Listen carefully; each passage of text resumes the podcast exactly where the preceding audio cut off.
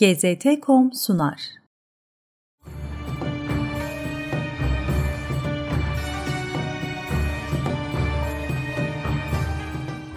Kıble Mescidi Müslümanlar 638 yılında Kudüs'ü fethettiklerinde Mescid-i Aksa'nın bulunduğu harem alanı boş bir araziydi.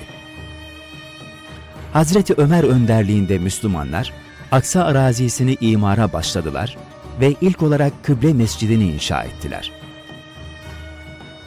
Kıble Mescidi ilk olarak muallak taşının üzerine konulacaktı. Ancak daha sonra Hazreti Ömer'in talimatıyla Aksa'nın güneyindeki duvarı ortalayacak şekilde Kıble Mescidi'nin mihrabı yerleştirildi.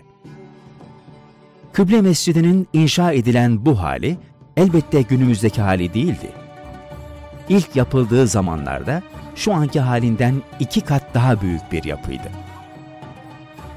Hazreti Ömer'in inşa ettirdiği yapıdan günümüzde hiçbiri kalmadı. 709-714 yılları arasında Emevi halifesi Abdülmelik bin Mervan günümüze kadar ulaşan Kıble Mescidini inşa ettirirken, Hazreti Ömer döneminden kalan kalıntıları kaldırtmıştı. Emeviler döneminde inşa edilen Kıble Mescidi, Kudüs'te yaşanan depremlerden sonra farklı bölgelerinden zarar gördü ve Abbasi halifesi El-Mehdi tarafından onarıldı.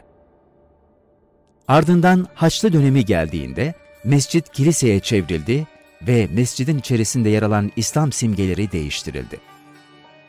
Kıble Mescidi'nin kilise olarak kullanılması Salahaddin Eyyubi dönemine kadar devam etti.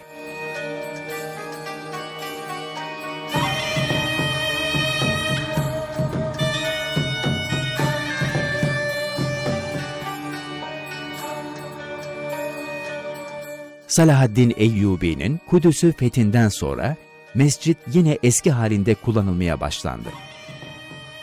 Kanuni Sultan Süleyman, Sultan Abdülaziz ve Sultan II. Abdülhamid'in Kıble Mescidi için yaptırdığı çok sayıda çalışmalar da oldu.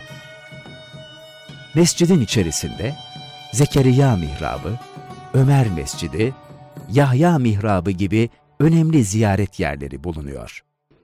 GZT.com sundu.